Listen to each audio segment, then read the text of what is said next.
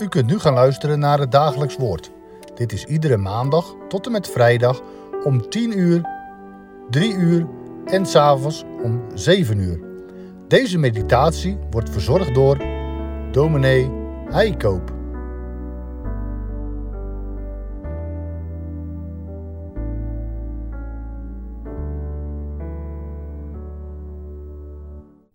We lezen vandaag verder in het vierde hoofdstuk van het boek Rut. Nadat de andere verwanten van Naomi en Rut niet zijn verantwoordelijkheid wil nemen, wordt Boas nu definitief hun losser. We lezen verder vanaf vers 9. Toen zei Boas tegen de oudste en heel het volk: U bent vandaag getuige dat ik van de hand van Naomi alles gekocht heb wat van Elimelech geweest is en alles wat van Giljon en Machlon geweest is. Daarbij neem ik voor mezelf Rut, de Moabitische, de vrouw van Machlon, tot vrouw, om de naam van de gestorvene over zijn erfelijk bezit in stand te houden. Opdat de naam van de gestorvene niet zal worden uitgewist onder zijn broeders en in de poort van zijn woonplaats. U bent vandaag getuigen. Broeders en zusters, hoe verder je leest in het boek Rut, hoe scherper je ziet dat dit boek over Jezus Christus gaat. In de figuur van Boas zien we steeds duidelijker hoe hij verwijst naar de Heer Jezus. Ook in dit boek leren we de heiland kennen. Het zijn de schriften die van mij getuigen, zei Jezus zelf al. In Boas van Bethlehem zien we iets van de latere vorst van Bethlehem. Boas is een type, een voorafschaduwing van de Heere Jezus. In deze losser zien we de verlosser oplichten. Al meteen, toen Boas voor het eerst op het toneel verscheen in hoofdstuk 2, werd al duidelijk dat er iets bijzonders met hem is. Hij kwam het veld op, waar nu ook Rut aan het maaien was en zei: De Heere zij met u. Ik weet niet hoe dat op eh, uw of jouw werk gaat, maar ik vermoed dat de meeste bazen in ons land niet met een dergelijke groet hun kantoor of hun werkplaats binnenkomen. Maar dit is ook geen gewone baas. Dit is Boas. Die komt om iets van het licht van de Heere te laten zien. Die komt om te laten zien hoe je kunt leven naar Gods wet. Hoe God wil dat wij leven. En dat de Heer op die manier je leven wil zegenen. En Boas reageerde daarna ook zeer liefdevol naar dat Moabitische meisje. Hij had tegen Rut kunnen zeggen: Ik wil niet dat een arm familielid op mijn akker werkt. Ga maar op een andere akker kijken. Zoek me iemand anders om daar aren te rapen. Maar zo is Boas niet. Hij geeft haar de ruimte. En hij doet nog meer voor haar. Hij zei toen ook: Je moet hier blijven werken. Ik heb mijn knechten bevolen dat ze jou met rust moeten laten. Dat ze hun handen thuis moeten laten. Want een arme vrouw die aan opraapt, is een gauw vogelvrij.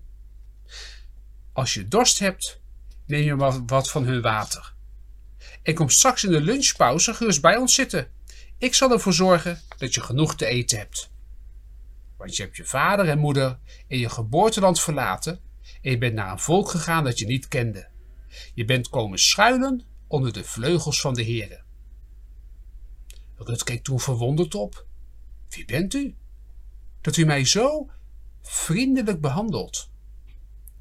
Op de akker van Boas. In de liefde en de warmte waarmee hij naar haar omziet, straalt al iets van de heerlijkheid van de Heer Jezus, die ook zo vol liefde mensen benadert, die ook juist naar kwetsbare mensen toe. Denk aan de Samaritaanse vrouw. Denk aan de overspelige vrouw. Zo wonderlijk liefdevol is. En ook het hoofdstuk daarna, hoofdstuk 3, zagen we hoe bijzonder Boas is op die beslissende nacht op de dorsvloer. Toen Rut zichzelf mooi had gemaakt en zichzelf aan hem aanbood. Een aanbod waarmee hij zich helemaal hem overgaf en uitleverde. Ook toen was Boas' reactie zeer liefdevol en respectvol geweest. Hij had toen met gemak misbruik kunnen maken van de situatie. Misbruik kunnen maken van Rut en daarna weer weg kunnen sturen. Hoe vaak komt misbruik niet voor bij kwetsbare, rechteloze vrouwen? Maar Boas deed dat niet. Hij prees Rut dat ze zich zo inzette voor Naomi en zich zo inzette om te leven naar de wetten van de God van Naomi. Ze niet achter een van de jonge mannen uit Bethlehem aan, maar volgde de raad van Naomi om Boas als losser te laten optreden. En daarbij wil Boas zelf ook alles zo nauwkeurig mogelijk naar Gods wet afhandelen. Eerst krijgt die andere losser, die formeel eerder aan de beurt was, de kans om losser te worden. Die losser wordt niet bij name genoemd. Dat is meneer Dinges. De Bijbel schrijft het hem niet waard om hem een naam te geven. Die losser weigert zijn plicht te doen. Hij dacht alleen maar aan zichzelf. Als hij zijn plicht gedaan had, dan zou hij de losser uit het boek Rut zijn geworden, de voorvader van de Messias. Maar nu blijkt deze losser alleen maar een loser te zijn, die naamloos uit de geschiedenis verdwijnt. Boas is anders. Horen we ook in het vierde hoofdstuk, ook in deze versen. Hij denkt niet alleen aan zichzelf. Hij neemt zijn verantwoordelijkheid. Hij gaat naar de stadspoort om alles formeel goed te regelen. Hij wordt nu definitief de losser van Naomi en Rut. En dan kunnen we de lijn ook doortrekken.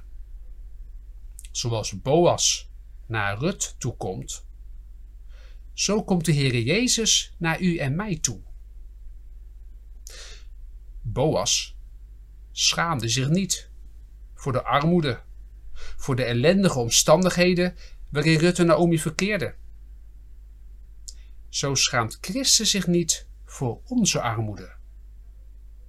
Voor ons onvermogen om te leven naar Gods wil.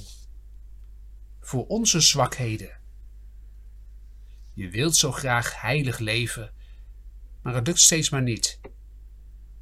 Je merkt steeds weer dat je nog zo vol bent van jezelf en nog maar zo weinig op God gericht. De Heer Jezus weet dat. Hij kent ons. Hij weet precies wie we zijn, wat we doen. Maar ondanks onze armoedige staat wil Jezus toch contact met ons. Wil Hij ons helpen en redden. Daar is Hij volop mee bezig. En zoals Boas de losser was van Rut en Naomi, en verloste van hun armoedige leven, zo wil de Heer Jezus onze losser zijn. Hij heeft zelf gezegd: Ik ben gekomen om mijn leven te geven als een losprijs voor velen. Daarvoor is Jezus hier op aarde gekomen. Om mensen te lossen, te verlossen. Los te kopen uit hun ellendige situatie. Los te kopen uit de klauwen van de Satan, van zonde en dood. Christus is de grote losser. Hij is afgedaald uit de hemel om zo een mens, om zo onze bloedverwant te worden. En om ons zo als bloedverwant te kunnen verlossen. Aan het kruis van Golgotha heeft hij al de zijnen vrijgekocht, duur gekocht met zijn bloed. En nu spreekt hij u en jou aan. Mag ik ook jouw losser zijn? Hij biedt het aan. Komende zondag in de tekenen van brood en wijn. Hij nodigt je om het aan te nemen. Zie, ik heb mijn lichaam en bloed ook voor u gegeven, om ook jouw verlosser te zijn. Neem, eet, gedenk en geloof dat mijn lichaam gebroken is, mijn bloed gevloeid heeft tot een volkomen verlossing van al je zonden. Neem het aan. Kijk naar de grote liefde van deze losser en vertrouw je aan Hem toe. Amen. Laten we nu samen bidden. Heer onze God, Vader in de hemel. Ook aan het einde van dit dagelijks woord komen wij tot u. Heer Jezus, wat bent u wonderlijk genadig. Bij Boas in het boek Rut, daar zagen we iets van u oplichten. Van uw grote genade en liefde. Voor u gekomen bent om het licht van de Heer te verspreiden.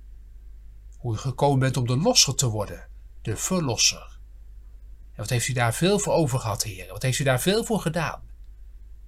Daar worden we stil van, elke keer als we daarbij stilstaan over nadenken. We kunnen het eigenlijk niet goed bevatten. juist omdat wij het niet kunnen bevatten, daarom heeft u ook het heilige avondmaal ingesteld. Om ze om dan op die manier te overtuigen. Het is echt zo. Ik heb mijn offer ook voor u, ook voor jou gebracht. Dat is net zo zeker als je dit brood eet en deze beker drinkt. Heer, ga met ons. Neem ons bij de hand en leid ons.